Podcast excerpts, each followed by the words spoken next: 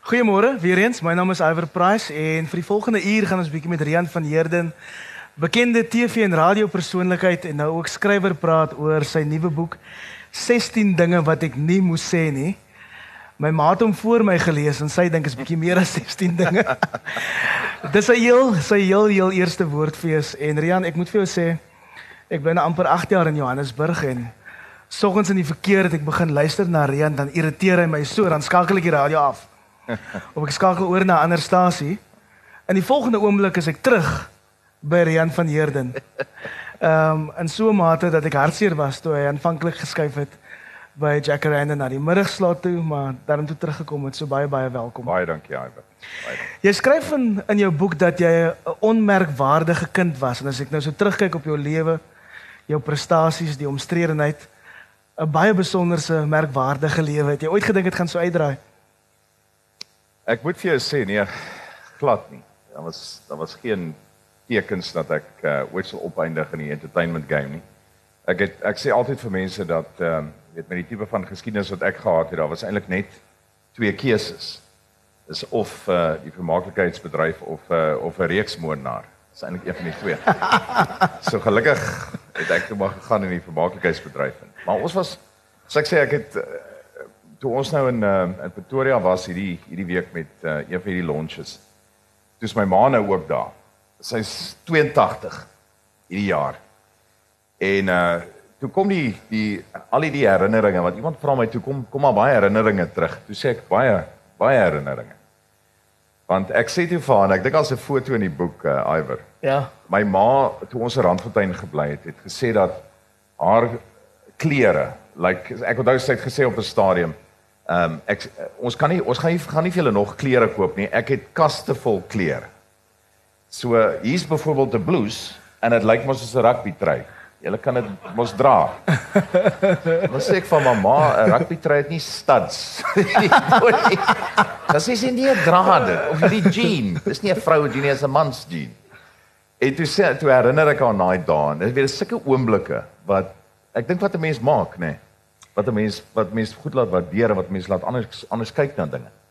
Wat het jou besiel om hierdie boek te skryf? Marina van van Marina Lamprecht. uh ja, dis die ding, jy weet, ek het um ek ek het agtergekom veral toe ek nou by die laaste ruk by Jackaranda was. Ek dink mense verstaan nie lekker hoekom mense sê wat jy sê nie. Hoe hoe dit nou gebeur dat jy nou daar gekom het en dit nou gelei het tot of geweld of dagvaardigings of afdankings. Die goed het altyd 'n aanloop en was my belangrik om te verduidelik hoekom ek gesê het wat ek gesê het en hoe ek by daai punt uitgekom het. Dis nie net 'n ding wat jy sê nie, dit het 'n aanloop.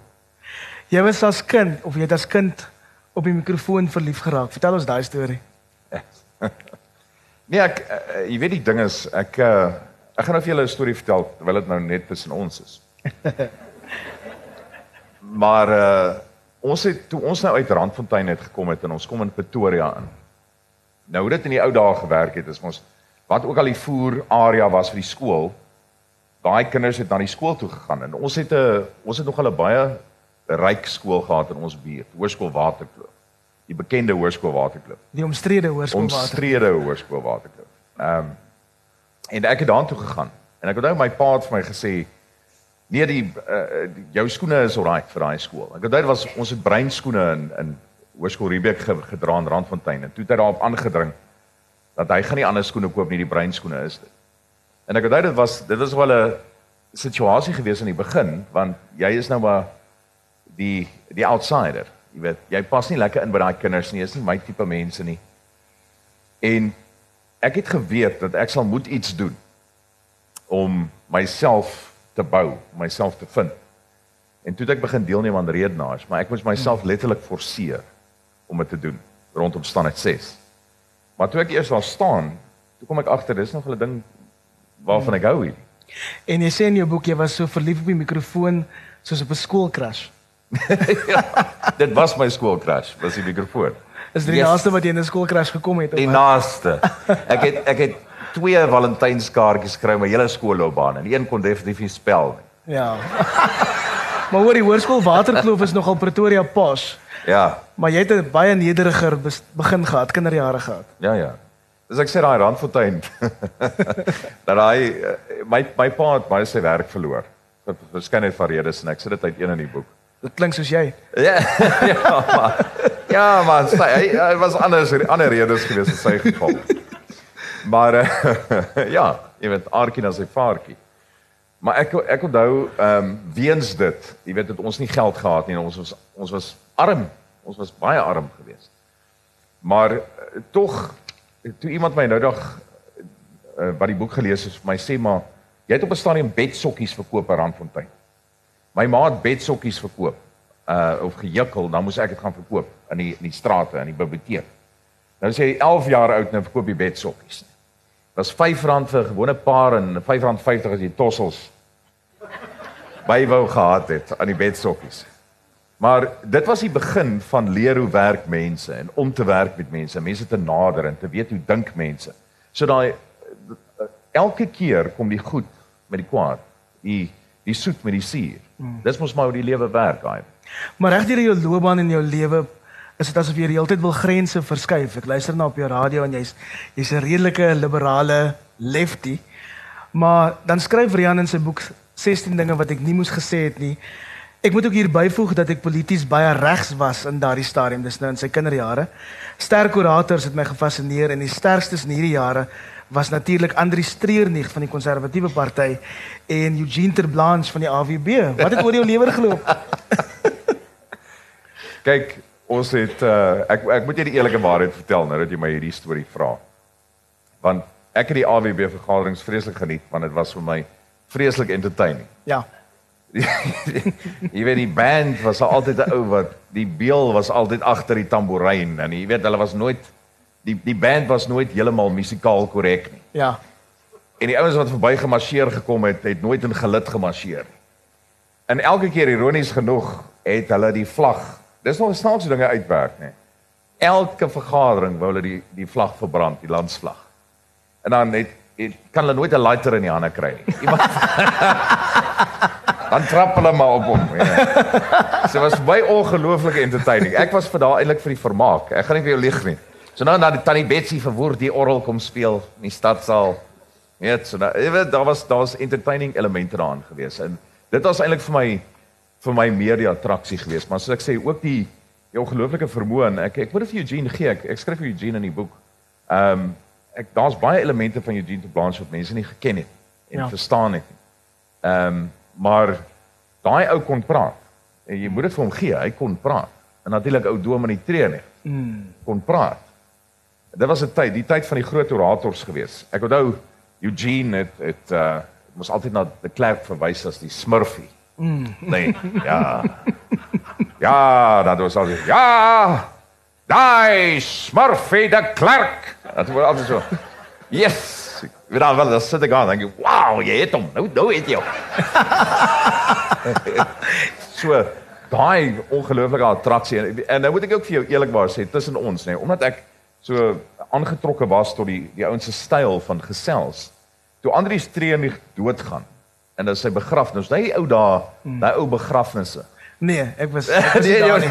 Ja, was 'n ja. Afrikaner begrafnis. ja, maar almal moet maar kyk, hulle het uitgesaai op die TV. Ja, nee. Ja. As hulle mos altyd sê en uh nou hier kom mevrou dokter Dominee Skuman mm ook nou ingestap op hierdie baie somber okasie. Jy weet dit is altyd so uitgesaai. Maar ek nou daai tyd kon ek nie ek kon nie my radioprogram aanbied daai oggend nie. Ek was te hartseer oor Treenig se dood. Ek wil sê hulle moet my verskoon. Ek is te heilerig. Ek ek gaan die ou man mis. Eerlike waarheid. Weet jy ek lees jou boek en dit dit voel vir my of jy 'n bietjie van 'n love-hate relationship met die Afrikaner het. Is ek reg? ek jy moet die Afrikaner vra. kom ek kom ek sê so. Ek ehm um, vir my was dit altyd belangrik omdat uh, ek is ongelooflik lief vir Suid-Afrika en sy mense en ek het 'n ongelooflike affiniteit vir die taal. Ehm um, dis juist waarom ek nou ook 'n program doen oor taal. Ek uh, jy weet in in ja. al die sprekers van die taal. Maar jou mense is jou mense. Jou groep is jou groep. Jy weet, in die Afrikaners is my groep. En dis die mense wat my wat ek altyd geken het van my van my kinderdae af, maar daar was elemente gewees wat my laat voel het, jy weet, ons moet vorentoe beweeg. Jy weet daar's daar's dis daar's te veel dinge wat ons terughou. En ek gaan jou 'n voorbeeld gee. Ehm um, ek was amper dominee gewees. Glo dit of nie. En 'n uh, gereelde kerkganger. So jy kan my niks eerlikwaar, dis die interessante ding, jy kan my niks vertel van die Bybel. Ek het die Bybel verskeie kere deurgelees. Ek het hom bladsy tot bladsy. En dis vir my vir my altyd lekker as iemand my gooi met 'n Bybelversie want ek jou ek kan 10 teruggooi na jou. Mm. Ek verstaan die Bybel, ek weet wat die sentrale boodskap is van die boek. En ek dink daar's te min mense wat daai boek lees. Dit is my altyd interessant dat mense vir my sê, uh ja, maar dis teen die Bybel dan dan sê ek sê maar jy het nie die boek gelees. Lees die boek en dan praat ons weer. Maar ek ek ek het agtergekom byvoorbeeld en en omdat ek so baie kerk toe gegaan het, het uh, die dominee in in Randfontein, West Borges NG Kerk, het gesê elke Sondag as jy vir my kan sê wat die Bybelversie is, dan wen jy 'n boekprys. En ek onthou die betrokke Sondag. Onthou ek was 12, 12 jaar oud. En ek kon toe presies vir hom sê wat die Bybelversie is en hy sê toe baie geluk, jy het 'n boekprys gewen. En ek het opgeloop na die kansel toe. En die boek wat hy vir my gegee het was Wêreldoorlog 3. Nou kan jy kan jy imagine? Jy's 12, jou dominee gee jou boek wat sê die verdoemenis is op ons. Die goed waarna jy luister, the pesh mode. Daar's sulke foto's. Aha. Dis duiwelse goed hierdie. En ek het gesit en wonder maar dit kan mos nie waar wees nie. Ek ek het die lirieke weer gaan lees. Dit was jy mos die tyd gekoop, haal hierdie papier binne uit. Gee dit vir jou al die lirieke. Daar was niks gewees wat ek gevoel het lelik is of my kon afronteer nie of my mense kon afronteer. En dit was deel van my van 'n van 'n van 'n van 'n oopkop proses waardeur ek begin gaan het. Dit in debatte met my pa, vreeslik daarvan gehou om te debatteer met hom. Ongelooflik. Jy praat nou van jou liefde, ja, van die tyd vir Afrikaans, maar in jou boek skryf jy destyds is nou Afrikaans was nie cool nie. In Afrikaans het jy as DJ nie Metallica, Green Day of Nirvana aangekondig nie. Ja, Dit ja. was Cor Marie of Bless Bridges. Ja, ja. Dinge dan seker intussen 'n bietjie verander. Kom ek sê ek ek bly vra my dit want ek was 17, ek was in my kamer by die huis en jou voormalige stasie was eintlik die stasie gewees, né? Nee. Daar was die stasie van die nasie. Daar was nie, daar was nie iets anders. En my ouma het gesê jy moet my kind, jy moet luister na Tiener Fokus of so iets was die program se naam. Ek jy gaan baie leer. En almal het ons so gepraat. Daar op die radio. Almal praat nog steeds so steeds, ja. Dit is maar Dit is mos hoe ons gesels op die radio, né, nee, op die eter. en ek onthou die betrokke ou wie ook al hy is, het 'n uh, eh, hoofseun en hoofmeisie opgehaal van twee skole in Pretoria wat oppas en hy sê dan nou ja, hierso by ons vanmiddag twee tieners en uh, ons gaan 'n bietjie hoor wat se musiek hulle na luister hierdie twee tieners. Nou Jaco, vertel vir my nou daar in jou skool, dis Menlo Park nê? Nee? Ja oom. Nou daar vertel nou vir my wat waar neem jy deel? Hy sê oom, rugby en skaak en ek uh, ek doen 'n bietjie landloop. Nee maar mooi. Jy's jy's duidelik 'n ouetjie wat sy kop reg aangeskroef het. So sê vir my, wat is jou eerste liedjie wat ek vir jou kan speel? En die ouetjie sê, "Oom, Metallica se Enter Sandman." En hy sê, "Nee, nee, nee, nee, wag, wag, wag. Ja, goed. Nee, nee, nee, nee, nee, nee. Ons uh, kan nie daai duiwelse musiek vir jou speel nie." Maar uh, ons het wel vir jou hier soos ballonne in die wind. ja, ja. Waar ek onthou, Iwer, ek onthou dat ek was besig om my wiskunde huiswerk te doen. Ek onthou ek het my pen so neergegooi en gesê this can't be right. Hoekom kan hy ook nie sy liedjie kry nie? Vir wat nie? En dit was deel van so ek sê al hierdie goed was deel van my proses gewees om meer en meer te begin uitbreek uit hierdie mure uit hierdie die, die grense oor te steek en te sê dat dit gaan vir ons beter wees as ons begin anders anders dink oor dinge, as ons begin anders kyk na dinge en en hooplik kon ek 'n klein rolletjie speel. Dink jy ons het sedert nou genoeg vordering gemaak? Ek sal nou vir jou sê met my radioprogram Jack Aranda uh, se breakfast show um, wat ons gedoen het. Uh ek het 'n lekker dit was vir my belangrik dat ek 'n diverse span gehad het. Want hmm. dit was vir my belangrik dat ek verskillende opinies gehoor het van verskillende mense af. So ons was seker die mees diverse ontbytprogram geweest Ons het 'n uh, 'n um, lesbien gehad wat die producer was. Ons het uh, obviously gays gehad was deel wat uitgesaai het. Swart mense, bruin mense, almal was daar. Moslems, You name it, uh, mense wat gewerk het op die span. Wie was die guys wat uitgesaai het? Ons moet nog daarby uit. Nee, dit was ek, ja. so dit was vir my baie belangrik geweest om diverse opinies te hê en en my verkeersou uh, Tabiso Kambule, love hom, ek noem hom Lali. Hy trou toe uh met 'n breinmeisie. En uh sy's baie lig van gelaat. En toe ons die foto opsit van die troue, toe ontplof dit. Toe sê mense, maar hy het 'n wit vrou getrou. En dit was vir my ek kon dit nie glo nie. In 2012 of 2013, skielik hulle het verloof geraak op baie stadium. Ek kon nie glo dat mense nog so sal dink oor verhoudings oor die sogenaamde kleurskeidsslyn. Jy moet weet as mense die woord sogenaamde gebruik. You know what I'm saying? Dit is al fout. Maar jy weet ek, ek ons dan want daar is nie skeidslyn in my opinie nie, maar dis mos daai die kleurskeidsslyn. Ek kon nie glo nie. Ek het debatte gehad met mense op die lig wat ek het my moer gestrip. Jy kan nie glo nie. Mm, ons vir het mense gehoor. Ek kan nie glo jy dink so nie. Ek can't believe it. Maar deel van ons proses toe het ek agtergekom ons sal die water weer moet toets oor 'n paar jaar. En wat ons toe gedoen het is presies dit. 3 jaar later toe toets ons die water. Het ons 'n koppel op 'n uh, swart girl, wit ou van ehm um, Barberton. Sy bel ons, sy sê luister, ons kan nie trou nie. Uh daar's daar's die Lebola en dis dit en dit en uh, dit gaan baie duur wees. Toe sê ek vir haar dit is nou my roeping dat ek julle twee gaan getroud kry. En ek het vir die mense gesê dis my roeping. Ek wil hê die twee mense moet trou. En wat dink jy het gebeur daai? Skielik, 3 jaar later het alles verander. En mense het gesê ek gaan die koek borg, ek gaan die wyn borg, ek gaan seker maak sy kry 'n trourok. Ek gaan help met die beeste vir die Lebola. Dit maak nie saak nie. Ja. Let's get them married. So ek het agterkom in ons familietjie, die luisteraars en ek was familie. Het ons ongelooflik met rasse skrede en ek spreek aan daai woord gebruik met rasse skrede vorentoe beweeg. As 'n mens in Johannesburg woon, is daar drie dinge waaroor mense lief is om in die koerante te skryf. Die Afrikaanse koerante veral en dit is wel vier dinge. Die politiek, geloof, sport en Rian van Heerden. Baie omstrede. En daar is 'n persepsie by sommige mense dat jy eintlik onbeskof is en dis dis 'n ding wat jou pla. Jy spreek dit ook aan in jou boek. Ek weet vir my gaan dit oor in in ek ek moet dit ek moet verduidelik hoe dit werk vir ontbytprogram. Jy het net soveel tyd. Soos jy weet. Jy het net soveel tyd. En veral as 'n ou nie tot die punt kan kom nie, dan sny jy hom af. Dan moet jy ongelukkig nou vir hom sê luister. Maar jy sny hom nog 'n redelik kort data. Ja, baie. ek het altyd gesukkel om totsiens te sê. Ja, jy weet af. Maar veral as jy weet jou jou opinie totaal banaal is. En ek moet sê my my my ouma Tinka het altyd gesê, my kind opinies is soos poepholle, né? Almal het eene.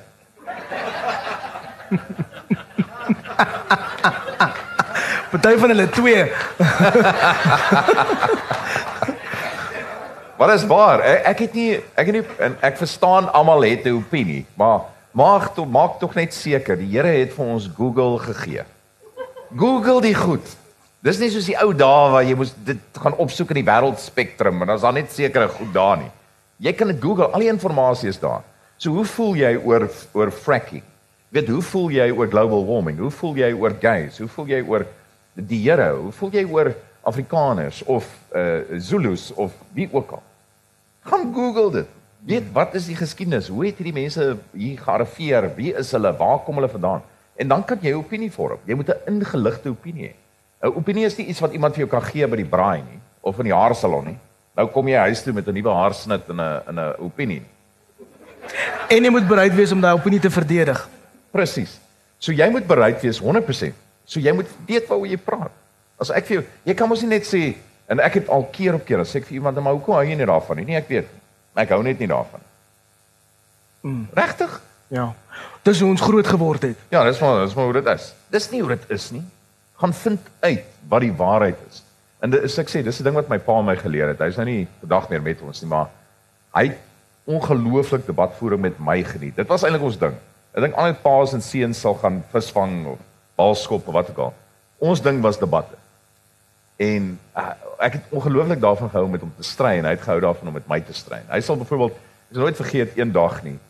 Uh die die vraag was, ek weet nie of ons daarbey uitgekom het nie, maar dit was voor die verkiesing en dit gaan oor is die ANC geregistreerde politieke party? Het ek en hy oor gestry. Toe sê maar hulle is. Hulle is nie, hulle is nie 'n geregistreerde politieke party nie. Sê ek maar hulle is. Sê wag, wag jy nou net so 'n oomblik. Toe bel hy die nuus. Die die die, die, die bel hy die nuuskantoor by die SAK. Toe sê die kul maar maar oom ek moet die nuus gaan lees. Toe sê nee nee nee wag. Sê jy nou eers vir my. Is hulle of is hulle nie? So dis hoe ver hy gegaan het. Jou pa se dood het jou nogal diep getref. Ja. Hoe het jou lewe ge geïmpakteer?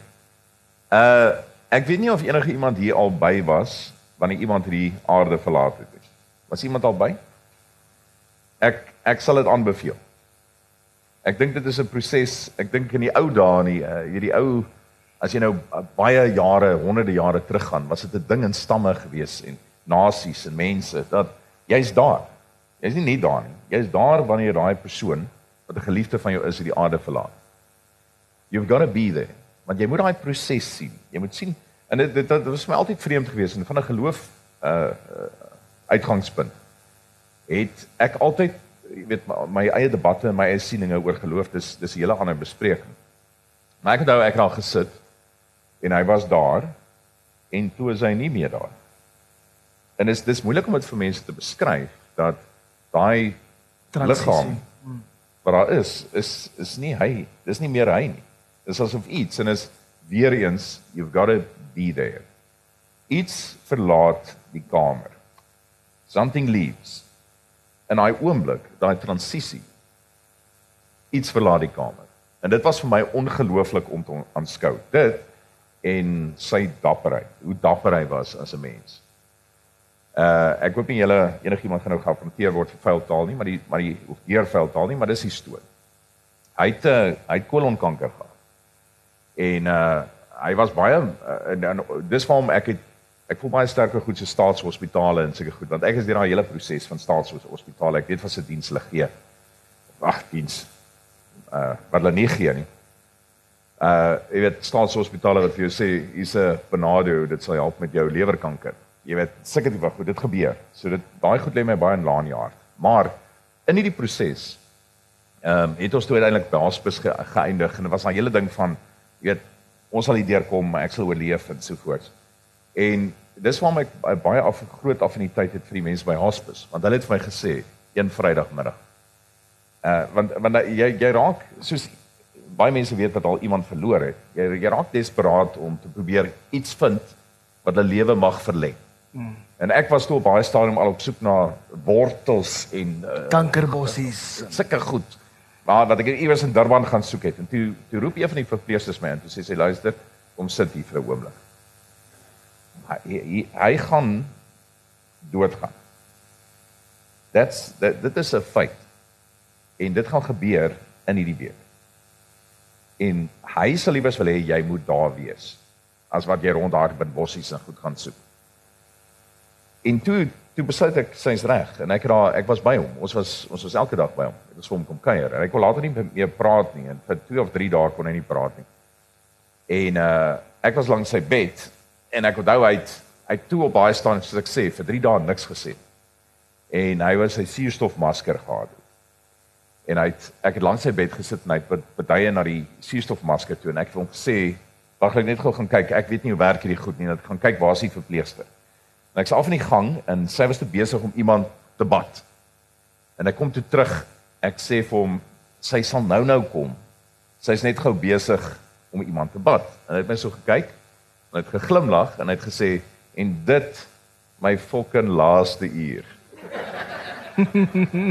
en hy het so geglimlag vir my en hy het sy oë toe gemaak en dis die laaste wat hy met my gepraat het. En ek weet hy het gesê wat hy wou sê ek's fine nie meer. I'm fine with this and you should be fine too. Julle moet ook okay wees nie. So toe dog ek ja, kom maar met goeie stofasie. Ongelooflik. Dit voel vir my of jy 'n goeie verhouding met jou pa gehad het en ek is altyd gefassineer deur die verhouding tussen spesifiek gay mans en hulle paas. Het hy geweet jy's gay want jy het redelik laat in jou lewe uit die kas geklim het was meer so spring want dit was oral op die voorblaaie. Hm. Ja, dit was nog wel 'n verrassing geweest daai maar dit was. Ehm um, my my pa net oor hom uh ek dink hy het 'n ongelooflike talent gehad om humor te kan gebruik om enige spanningsvolle situasie te ontlont. Soos ek nou vir jou presies verduidelik het. Dit was dis 'n ongelooflike gawe. En dis iets wat ek hooplik by hom kon leer en wat ek nog steeds toepas in my lewe. En toe ek nou vir en, en ek het ek het mense het maar altyd so sê uh regrets I've had a few. En uh, een van my regrets is die uh die feit dat ek het nie ek dink nie ek het vroeër uh as ek net vroeër soos 10 jaar voor dit gesê het dis wie ek is. Maar dit was bloody dit was bloody moeilik. Dit was moeilik. En dit was onwettig. Dit moet ons nie vergeet nie. Dit was onwettig so ek het daai angs en daai jy weet, o, oh, toe ek want ek het voorblad uh so 'n televisieprogram wat ons gedoen het. Ja. Net mee begin. Uh wat toe ongelooflik gewild geraak het. Ons Min of meer in dieselfde tyd as wat die son begin het. So ja, baie ja. oor hom geskryf. Selfe selfe tyd, presies. So ek um ek het toe besluit eendag ek ek moet vir hulle sê en uh ek het hulle gevat na die Spur. en dit was nog 'n ou hout spyskaarte gewees. En Hulle het altyd so met die spyskaart gesit, my ma en my pa. En ek het gesê, "Oké, okay, ek moet julle iets sê." Toe sê hulle, nou, "Wat is dit?" Maar hulle kyk nog steeds in die spyskaart. Ek sê, "Ek is 'n uh, ek is um, uh, ek is ehm uh, uh, ge gay. Wat? Gay. En uh hy het my so gekyk terug na die spyskaart en sê ek weet nie of ek moet gaan vir die cramped mushrooms of die chicken. Medium rare steak asseblief. Ja. en toe sê ek vir hom het het jy my gehoor? Sê ja, ek het jou gehoor. Maar het jy my gehoor? Want ek gaan vir die cramped mushrooms of die chicken livers. En weer eens op sy manier het hy vir my gesê ek's fyn met dit. Ons het nie 'n probleem nie. Toe het my ma nou, "Haai, my kind, ons het Ons het altyd ek en jou pa het altyd gepraat hieroor en eintlik het ons dit vermoed, jy weet, maar jy weet dis eintlik my skuld. Dis ek maar, hoe is dit jou skuld? Sy sê want ek het te veel hare sproei op my hare gebruik in die 70s. te veel glitter in jou baba klere. Dis sê ek vir ma, dis nie, jy weet, dis nie die VO5 se skuld nie. Dis dis nie dis hoe dit werk, is die natuur en ek het agterkom op haar eie manier. Alhoewel sy nie weet hoe om 'n rekenaar te werk nie. Het sy gaan uitvind. En sy het gaan leer en sy het gaan boeke uitneem en totdat sy nou verstaan het. En dit was dit was 'n jare proses voordat sy gevoel het dis nie haar skuld nie. Sy het altyd gevoel, dink ek, ek het haar eintlik ook bevry. Want vir jare het hulle dit vermoed en sy het gedink dis haar skuld. Which it wasn't. Jou lewe is met soveel omstredenheid gevul as ek net dink aan van die voorvalle waaroor van die koerante geskryf het. 'n lewendige poncho na bewering by 'n nagklub wat Rian besit het. Ehm um, afgedank as stasiebestuurder by Tix FM. uit die kas gespring. Daar's baie mense wat wag, laat ek dit anders vir jou stel. Wat is dit van Rian van Heerden wat so gereeld in omstredenheid gehul word? Eerlikheid. Ek het uh en ek gaan nie vir jou lieg nie, Iwer, daar was 'n tyd toe ons almal wou omstrede wees as 'n jong uitsaaiers. Ek seker jy was ook daar. Was jy? Kins, ja, ek was ja. daar. Hmm. Was lekker as mense oor jou skryf, maar ehm um, daar 'n tyd gekom wanneer ek agtergekom het, dis nie meer so lekker nie, veral met Jackaranda. Jy weet, wanneer jy moet verstaan as 'n ek sou wat gebeur het by Jackaranda by Nuwe Hoop skool. Sal ek ek beskryf as 'n orkaan wat jou tref. Ek dink nie verduidelik vir die Kaapse luis um, kykers, luisteraars, ja, bywoners, ek, feesgangers. uh kritiek is kritiek. Maar as dit 100 as dit 99% kritiek is en 1% ondersteuning, dan tref 'n orkaan jou wat jy nie kan glo nie. Wanneer mense opdaag by 'n uh, radiostasie wat jou wil blits elke dag. Wanneer jy doodstrygemente kry, wanneer jy agterkom, wanneer jy wanneer jy besef ek het te ver gegaan nou. En eh, ek sê ek ek weet nie of eers my storie ken nie, maar ek sê julle vertel. Ek het net die ontbytprogram oorgeneem en daar was ongelooflike negatiewe reaksie geweest. Veral omdat mense nou my reputasie het my vooruit gegaan. Mm. En Darren Scott, ironies genoeg, is almal ken die storie van Darren Scott wat die K-woord gesê het. Ja. Nie net een keer nie, verskeie kere daai aand. Hy's toe afgedank toe vervang ek hom. En daar's baie mense wat gevoel het hy was nie verkeerd nie. Wat wat het hy dan nou gesê wat nou so jy weet, offensive was. Maar ek vervang hom toe en as al klaar klagtes en mense wat nie my leefstyl goedkeur nie en so voorts. En ek het begin goed gatvol raak vir die hoeveelheid negatiewe kritiek. Elke dag, elke dag dit het net nie opgehou nie. En die een dag maak ons toe 'n liedjie oor die antwoord. Uh die weet ken jy antwoord? Mm. Daai skollies. Dis die woordfees, is ingeligte fees. Ja, nat natuurlik. Ja, ja, natuurlik. Verskoon my. Maar die antwoord het 'n dogtertjie uh, gehad en hulle was almal saam op Rolling Stones voorblad. Mm. En toe vat ons 'n antwoord song. Toe sê ons, "Oké, okay, nou hoe sal dit nou klink as die dogtertjie dit sing?" So ons het toe 'n vrou gekry wat praat so dogtertjie en 'n antwoord song deur haar laat sing en al die vloekwoorde uitgebiep. Toe speel ons dit uit op die lig. En toe toe bel hy ou, toe sê hy, "Ja, maar julle julle kan nie julle kan mos net nie dit doen nie." Ek sê, "Wat bedoel jy?" Hy sê, "Wat julle nou net gedoen het. Hoekom biep julle al die vloekwoorde uit?" Ek sê, "Want ons moet die, ons moet dit doen. Jy weet dat ons uitsaai regulasies." Toe sê hy, "Maar weet jy nie as jy dit uitbiep, gaan iemand hulle eie woorde daarin sit nie." Toe sê ek, "Man, weet jy wat? Jy is breindood." Jy moet jouself daar by die nuwe hoop skool gaan inboek. yes. Nou, as jy in Pretoria bly daar, het jy al gehoor van die nuwe hoop skool. Ek het net 'n vaai idee gehad wat aangaan by die nuwe hoop skool. Ek het nie geweet dit dit gaan oor 'n verskeidenheid van van gestremthede, né? Van leergestremthede tot fisiese gestremthede. Daar's baie kinders daar en hulle kry spesiale opvoeding. Ehm um, uh ek ek het nie die skool geken nie. Ek het ook nie geweet soveel van my luisteraars het kinders wat in die skool is. Wat daar in daai skool is. Onder andere een van my beste vriendinne. Haar seentjie is daar. En sy was een van die eerste mense wat 'n brief geskryf het vir die uitsaai klagte kommissie. So ek het die volgende oggend het ek toe gegaan en ek het om verskoning gevra, duidelik was ek verkeerd. Dit het nie gehelp nie. Dit dit het gelei elke dag was haar ouers daar. Dit het dit was 'n verskriklike tyd. Maar uh, jy kan dit nie mense blameer nie as dit kom by kinders en veral daai kinders gestremdhede. Yes, dit dog ek daar's een oplossing hiervoor. Ek moet die skool besoek. En ek het na die skool toe gaan, ek het in die personeelkamer vir die onderwysers verduidelik dat ek uh, voel baie sleg hieroor. Ek is jammer dit het so uitgedraai, maar dit was nie my bedoeling nie en nou weet ek waaroor die skool gaan. Want soos ek sê, die Here het ons Google gegee. Mm. Nou verstaan ek waaroor dit gaan. En hulle het daarop aangedring dat ek toe gaan van klas na klas en net die kinders ontmoet en bietjie tyd met hulle spandeer. En yes. Nou nadat ek weet wat ek gesê het, dit was nog 'n ding om te gaan van klas na klas en dan die kinders te ontmoet. Dit is sien hoe ongelooflik hierdie kinders is. En uiteindelik was ons in die uh skool se gimnasium. En daar was daar so 5 of 6 van die leerders met springbok klere in sekere sportsoorte wat daar was.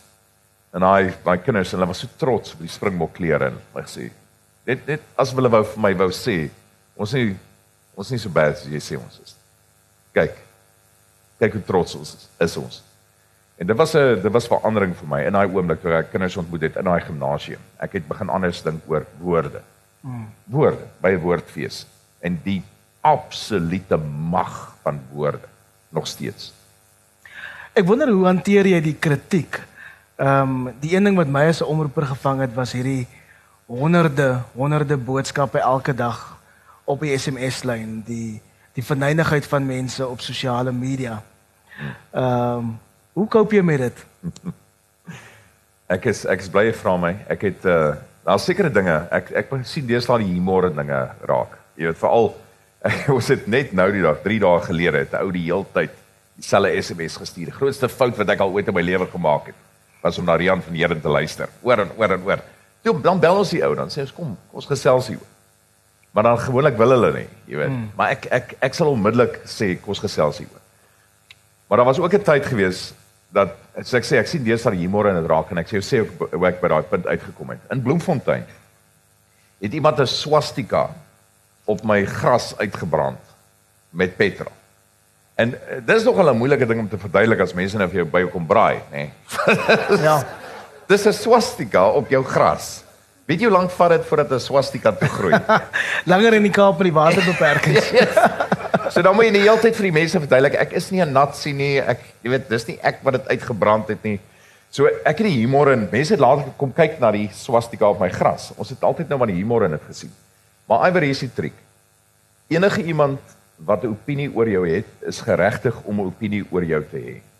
Steer jy jouself daaraan word gekoppel aan die vraag, het jy daai persoon die mag gegee om 'n opinie oor jou te hê? So daar's sekere mense in my lewe vir ek vir wie ek mag gee om 'n opinie te hê oor my en ek steur myself net aan daai mense. Maar as jy vir elke persoon, mense wat jou nie eens ken nie, die die mag gee om jou te ontstel met woorde. Mm. Dan gaan Prozac nie eers help nie. Dan dan dan is jy in die verkeerde game. Dis maar so eenvoudig soos dit. Jy gee vir mense mag om opinies oor jou te hê. Ek skat is bietjie makliker gesê as gedaan as jy gebliksem word soos jy al was. Ja ja. Met die dood gedreig word. Ja. Ja. Ja.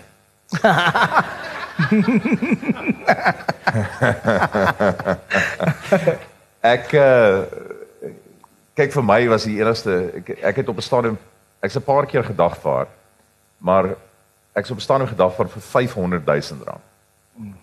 En uh, uh, uh, uh, die storie is in die boek. Ehm um, ek het 'n daar was 'n joernalis gewees wat gesê het ek is korrup.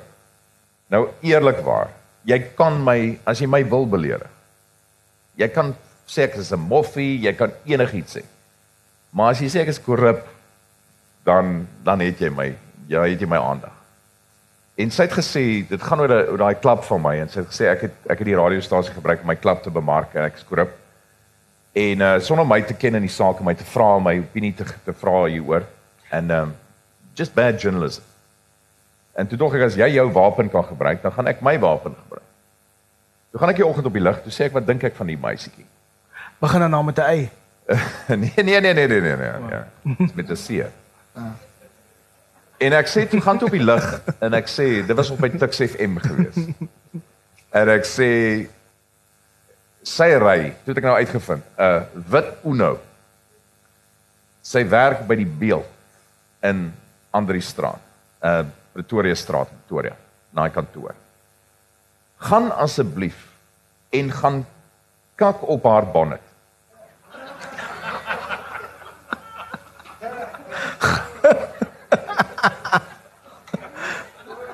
Ek het dit maar net gesê.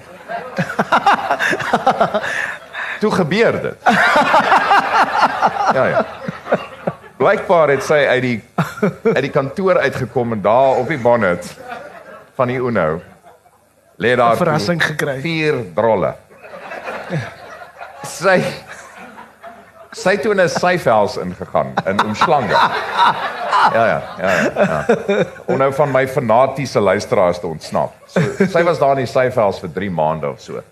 En toe sy uitkom toe dagvaar sy my vir 500 000 rand. Ek het toe 50 betaal beste 50 000 rand wat ek ooit betaal het. Betaal het met 'n smile. Rian, dit klink vir my of jy passievol is oor radio en ek weet met my ding wat ek die meeste mis is is daai adrenalien van radio, die teater van die verbeelding. Bietjie van 'n onregverdige vraag want want jy doen nou 'n taleprogram op op op kyk net en het jy al 'n nuwe program gesien? Skelmpie. radio, TV, wat verkies jy? Definitief radio. Ja. Definitief. Daar's Mense nie, verstaan dit nie. daar's nie 'n vergelyking. Daar's 'n verhouding wat jy nooit wat jy jy kry dit nie reg met televisie nie, maar met radio. Daai persoonlike verhouding wat jy het met iemand. En daar's daar's oomblikke in my lewe en jy weet as 'n jong uh, uitsaaier wat ek nooit sal vergeet nie wat my wat my laat besef het okay ek's ek's op die regte pad met dit. En weet uh, ek ek wou nooit gehad het mense moet weet hoe ek lyk nie. Dit was my nogal 'n baie groot probleem toe ek begin televisie doen het. Mense weet hoe jy lyk. Maar as mense nie weet hoe jy lyk nie, kan jy in 'n kamer sit, jy kan net observeer. En jy kan daai die volgende oggend op die program sit. Maar ek onthou ehm um, ons het ons het ek was eendag uh buite die GW op op uh die Tuks kampus gewees. En 'n ouetjie het na my toe gekom en hy het gesê, "Hoorie, ehm um, skus ek jou nou nou hoor praat, is jou naam Rian?" Toe sê ek, "Uh nee, ja, kom vra hy." Hy sê, "Nee nee, nee, nee, ja, dit is Rian. Hoor nou, ek ek hoor ek. Jou stem klink vir my bekend." Toe sê ek, "Ja, nee, my my naam is Rian." Ja, dan ek koes al klaar. En hy sê, "Nee, ek wil net vir jou sê, ehm um, ek het jou eendag gebel toe sê ek speel vir my liedjie." En dit was nie ou dae, jy weet, toe jy nog goed kon aftyd van die radio Ja. af. Hy sê, "Nou ek en my vrou het mekaar ontmoet want ons het albei na jou program geluister. Dis wat ons in gemeen gehad het." Hy sê toe toe bel ek jou om my liedjie vir my te speel. Ek wil net vir jou sê, daai liedjie het ek afgetyp en ek het dit gespeel op ons troue en ons het die dansvloer met dit geopen. So dankie dat jy my gehelp het om my vrou te ontmoet. En toe dog ek, wow. Ek is ek is waar ek moet wees. Jy het redelik vroeg in jou lewe 'n paar groot breaks gekry, was maar 25 toe jy die ontbytprogram op punt begin aanbied het. Ja. Wat is die geheim van 'n lang loopbaan, 'n redelik suksesvolle loopbaan ten spyte van al hierdie spoedhobbels? Uh dis eintlik 'n godswonder, né? Nee. Ja, dat ek nog op die lig is. Jy weet ek ek kyk baie terug aan dit en ek sê vir myself dis dis dis eintlik verrassend want ehm um, jy weet daar was tye gewees dat ek dat ek glad nie 'n job kon kry in radio. Glad nie, nêrens. Ek was by julle ook. Oral. By julle? By hulle? by hulle, sorry, sorry, by hulle. Ek het ek kon nêrens 'n job kry nie. En mense wou my eenvoudig net nie aanstel. Ehm um, obviously, ek sou ook nie myself aanstel. En uh yes, dan dan mis jy dit verskriklik, maar ek het ehm um, in die tyd wat ons by Tuks FM was, het ek jy weet ons het baie ouens gehelp en baie van hulle repaid the favor. So uh, ek onthou een van my ouens wat ek onthou nog toe hy daar met 'n kortbroek daar aangekom het en hy wou 'n omroeper wees. Ons het hom toe 'n job gekry. So koddige ouetjie. Ons 'n ronde ronde ouetjie. En dis dieselfde ouetjie wat toe later aan die programbestuurder by OFM geword het. Wat my gebel het gesê het kom asseblief, Bereik gegee kom Bloemfontein toe. Jy het my gehelp, ek help jou. En dis die dis dis ding met die uitsaai wese, nee, ons ons help aan mekaar, ons kyk uit vir mekaar. Jy hou daarvan om mense verkeerd te bewys. Ja. En jy skryf dit ook in jou boek. Hoekom is dit vir jou so belangrik? Want hooplik gaan ek jou uh, uh en so ek sê as ek nou terugdink aan mense wat sê iets kan nie gedoen word.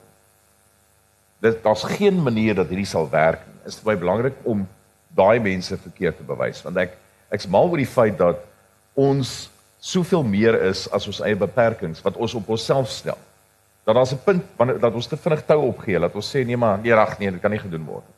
Dit kan keer op keer op keer as jy net 'n klein bietjie langer aanhou, bietjie meer probeer, bietjie harder werk, dan kan dit gebeur. En ek bewys dit ook vir myself, né? Dat moenie tou opgooi nie, moenie grense trek nie. Dit kan elke keer oorskry word. Dis waarom dit vir my so belangrik is. Kom ons praat 'n bietjie oor die skryfproses. 16 dinge wat ek nie moes sê nie. En ek sê altyd vir mense, ek haat dit om te skryf. Ja. Dit is pynigend. Dis dis dis moeilik. Hoe het jy die skryfproses ervaar? Uiters moeilik. Ja. Uiters. Ehm um, maar gelukkig ek het uh, ek het op 'n stadium 'n breek operasie voor gegaan. Ek dink ek beg, ek ek Begin skryf die boek dan. Die boek begin daar. Ja. So ek ek was 'n bietjie vasgekluister in my huis gewees. En dit snaaks hoe die hoe die lewe uitwerk want ehm uh, ons is deur 'n ek is deur so 'n bietjie van 'n rooftog uh oor Desember so jaar terug in my eie huis. En uh vir 'n ruk dit het nog 'n sielkundige impak op jou so iets, né? Mm. En ek het vir myself gesê, jy weet, ek wil liewer ek is nie in die vakansie by nie. Ek wil nie op 'n strand gaan sit en wat ek ek ek wil by die huis sit. Ek wil liewer net by my huis wees. En ek het begin skryf in daai tyd. So ja, moeilik was dit wel, maar as ek sê is amper asof die lewe sulke geleenthede gebied het om my in 'n stoel te hou laat ek skryf, by die huis hou. Die titels van jou hoofstukke is nogal vir my interessant. Hoe skenk krimpvarkies geboorte? Hoe gaan u die identiteit van die Afrikaner beskerm? Gaan skei op haar bonnet. Sheep shaggers. Groot ouens is mos gewoonlik dommer. Watter van hierdie stories, hierdie hoofstukke was vir jou pynigend, moeilik om te deel? Daar was die uh ek dink dit was die storie oor François. Ehm um, ek is nie ek is nie iemand wat uh jy weet ek ek sê al vir al as jy 'n gay persoon is en uh, jy weet ek ek ek het baie ek, ek is eintlik jaloers op hierdie generasie waar alles is so oop en jy kan eintlik doen wat Dis jy die wil. hoofstuk ek is onvoorwaardelik lief vir jou. Ja. Ja. sodat ek is ek is baie jalo- jaloers op hierdie generasie. Jy weet, en daar's 'n grondwet en daar's regte en dis nie meer soos dit was in die ou dae waar alles in die donker gebeur het nie. Weet, uh, letterlik en figuurlik. nie. Ja. So as jy 'n gay persoon is in in daai tyd, het jy nie eintlik baie ervaring in verhoudings nie. Jy weet nie lekker hoe dit werk nie want jy, jy dis am- amper vals verhoudings. Jy weet, die meisie is nie regtig, jy's nie regtig lief vir haar nie. Sy's sy's 'n prop. Sy's window dressing. Die persoon vir wie jy eintlik lief is, vir wie jy eintlik omgee, kan jy nooit sê nie. So dit was dit was baie moeilike tye gewees. So jy jy weet eintlik niks van verhoudings af as jy in 'n verhouding ingaan uiteindelik eendag nie. En so ek sê dit was Jy sê ook jy was bietjie onkundig oor verhoudings. baie, ja. Bietjie meer ervaring intussen gekry. Nee, ek dink ek's nog steeds onkundig oor verhoudings. Soos baie mense is. Soos die meeste van ons. Ehm um, hierdie hoofstuk eindig met bietjie van 'n cliffhanger. Die Franswil verhaal eindig nie hier nie, maar kom ons los dit vir eers. Ek het nou Bacardi nodig. Ja. Ons los dit daar. Ja, is nie moeilik om jou stories so met mense te deel nie. Dit is asof jy mense in jou binnekamer inlaat. Dit was vir my baie belangrik geweest. Ek ehm ek ek glo dat ek het my hele loopbaan gebou op eerlikheid, dat ek eerlik was oor dinge. En dat as ek gefouteer het, het ek probeer regmaak. Maar ek het gevoel dat daar as ek wil eerlik wees, dan moet ek skryf oor die goed wat vir my die diepste al ooit in my lewe geraak het. En dis en so ek sê dit iemand nou daag gesê ja, maar dis ehm um, bietjie narcissisties, nê. Nee. Ja. Dis bietjie narcissisties om so ek het altyd gedink is narcissisties om so 'n boek te skryf. Jy is, jy nog nie 70, jy weet nou skryf jy 'n boek. Maar dis dis meer 'n sielkundige proses dink ek gewees vir my. Dat ek kan praat oor Franswa byvoorbeeld. Dat ek kan praat oor my pa, dat ek kan praat oor die uh waar deur 'n mens gaan soos by Jack Aranda as daai stortvloed jou tref en hoe kom jy uit dit uit? So dit was my belangrik dat en en ek het eerlikwaar ek moet vir julle sê, ek het ek het nie hierdie boek ges, geskryf om honderde duisende kopieë daarvan te verkoop nie. Dit was nie die die doel nie. Die doel was ek dit was dit was meer 'n sielkundige proses vir my. Dit is my lekker om te skryf en dit was soos 'n release. 'n bietjie van 'n release geweest, verseker. Ons het nog so 10 minute oor en ek weet dis baie mense wat jou wil ontmoet en en vra of kommentaar het.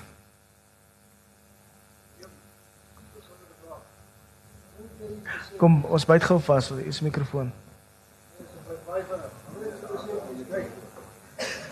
Uh dis nou die ding en dankie dat jy vra.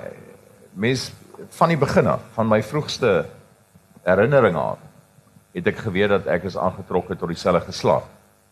Ek het ek het net in my opinie was dit nie verkeerd nie. Ek het dit nie as verkeerd gesien totdat ek agtergekom het op via televisie en tydskrifte en boeke dat ander mense is nie so nie. Jy weet dis dis net ek wat so daaroor dink. Want ek het ook nie ander gay mense geken nie. Maar van my vroegste herinneringe af, ek daar was nie daar was nie 'n tyd dat ek gedink het ek is aangetrokke tot enigiemand anders as my eie geslag. Seksueel natuurlik en nie net emosioneel. Vra, kommentaar? Waar is jy?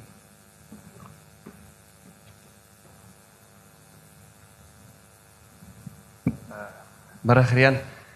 Uh ek het altyd jou storie geniet. Uh jy het vertel ek het in Johannesburg gebly vir 7 jaar. Ek's nou 3 jaar terug in die Kaap. Maar een van die dinge wat ek mis is jy het altyd die storie vertel van een of ander Portugese plek waar jy gewerk Oh, het uh, met die vis en chips. Ja. Yeah. En ek ek moet jou uh, vertel, ek het eendag ek het uh, by die ou uh, Universiteit Johannesburg gewerk en ek het so gelag ek het actually in iemand vasgery voor my. Ehm um, jammer daaroor. Het jy hom gedagvaar? Nee, nee, maar my versekerings het, het nooit uitbetaal nie. Dit was 'n ongeloofwaardige storie. Maar ehm um, ek het die, ek het die storie en ek wil net vra of jy vir ons iets kan vertel van dit en en hoe dit gebeur het en wat wat is jou wat hoe wat was jou verwysingsraamwerk in daai tyd toe jy daar gewerk het? Wat die uh ehm uh, Ki Kipros talk about the Greek. Okay. nee, ek het uh, so staan dit 7 vir die Grieke begewerk en ek baie leeg groot liefde vir die Grieke. Ehm um, jy weet veral met hulle sulke karakter sulke karakters. Maar eh you know Kipros you must see when I talk about him, you must see him in your mind. So hy het 'n bietjie soos 'n clown gelyk. Hy het sulke grys krullerige hare gehad, groot grys snor. En hy was 'n korterige ouetjie met altyd die hemp was oopgeknoop met die met die kruis, goue kruis en die goue ketting om die nek, né? So dis was hy Kipros, né? En in die kafee het ons 'n videowinkel ook. Ons 'n videowinkeltjie gehad. En nou die kafee nou was alles een ding. En die mense was ongelooflik lief vir Kipros se cheese buns. Hy het die lekkerste cheese buns gemaak. En uh Maar nou die ander ding is nou mense sal nou 'n video gaan haal en dan kry hulle nou sommer cheese buns, weet nou vir die aand. Maar soms bring mense nou nie nou nie hulle video's terug nie. Jy weet, uh, vergeet hulle nou die video in die video masjien. En dan moet ek so nou en dan saam met Kipros moet ek nou die video gaan haal by die mense se huis. En ek sê een aand, nooit vergeet nie, sê ehm um, hy sê uh, let's go, hy het my Ryan genoem. Could not say the name, my my naam, ek kon nie my naam uitspreek nie. So sê Ella, Ryan. Let's go get the ek dink was dirty dancing of iets, dis die fliek. Let's go get the dirty uh, dancing from these people. Bring the address, let's go klim ons in die Kipros se bakkie en as die ding so aansit, dan sê sora muka ja da sora da si ken ora va so. Dis so boeste hart. Gelo sanyando la sinya ga so te ry ons nou so af, jy weet, van die mense huis toe. Ek klim nou so uit die bakkie uit. Nou is ek hier agter hom, weet in geval nou 'n insident is. En sy sigaret kom hy nou by die die voor die klokkie. En sy maak op en sê, "Eh, where's the bloody uh, dirty dancing?" Say, oh, sorry, sorry, we forgot. Bring me the bloody video. En kom hulle dan gee dit vir my sê, "Okay. Thank you. No more cheese buns for you."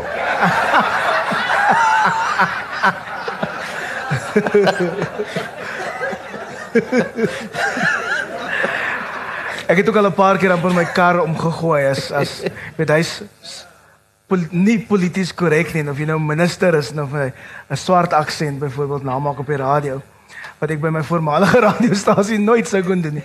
En jy kom weg met dit. Weet jy, dit is my interessant hoeveel kyk ons het verskriklik baie swart luisteraars, né? Ja. En onder andere MECs en ouens wat ja. luister na ons, ehm uh, van die van die uh, burgemeesters wat great is. Weet Panjazile Sofie is byvoorbeeld baie groot fan van die show. Ja. Adrian Lekay, uh, jy weet, it's ja. incredible. Ek het al gehoor hoe Rian op die lig sê, "It's stupid. I think it's a stupid idea."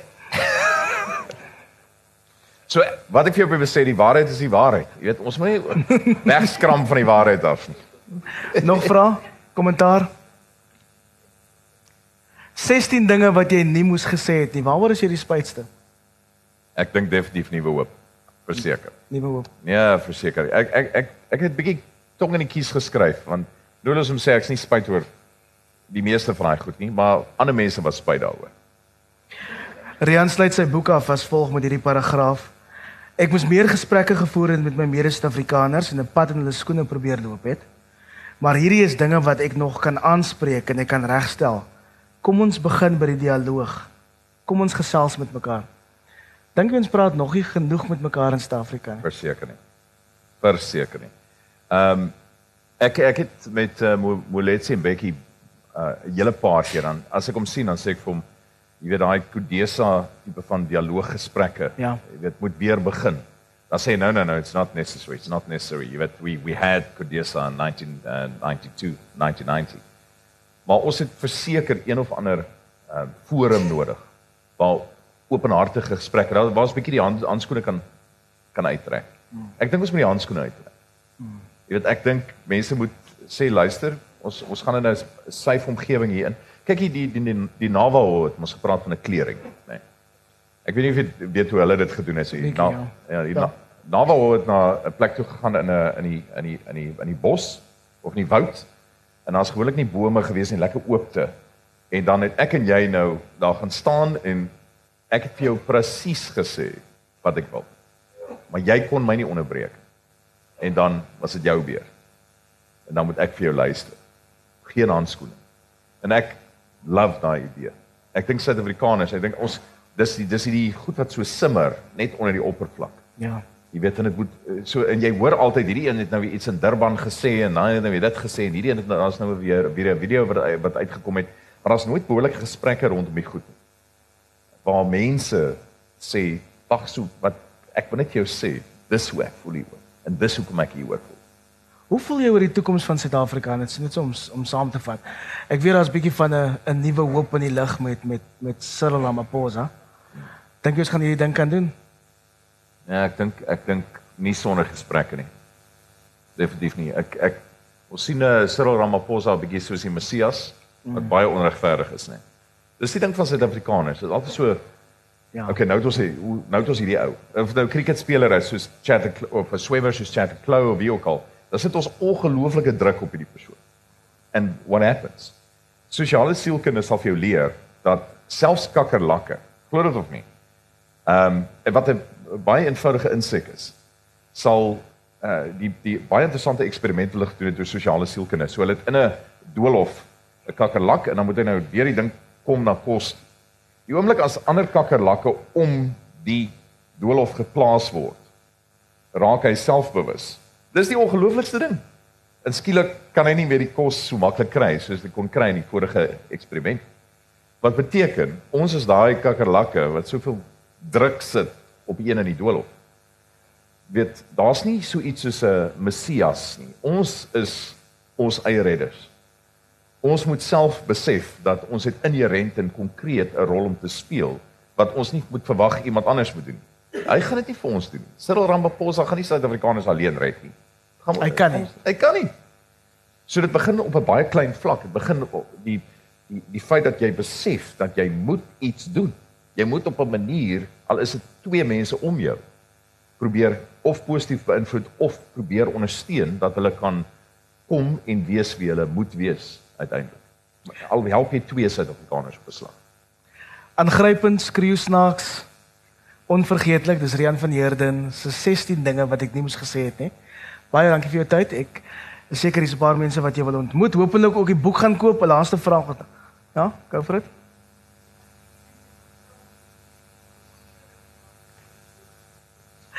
Kan jy klein 'n bietjie harder praat dat die mense agter jou ook kan hoor? Dis 'n intieme gesprek want dit gaan oor François. Ons wil juis hoor.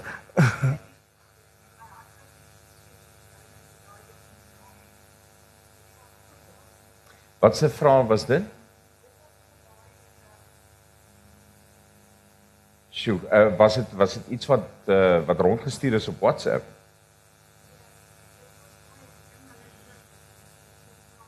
O, hoe praat jy van uh, die roost van uh, Kenny Koneni? Okay, Kenny Koneni se roost. Ja, ja, ja. Ja, nee, was ek daai.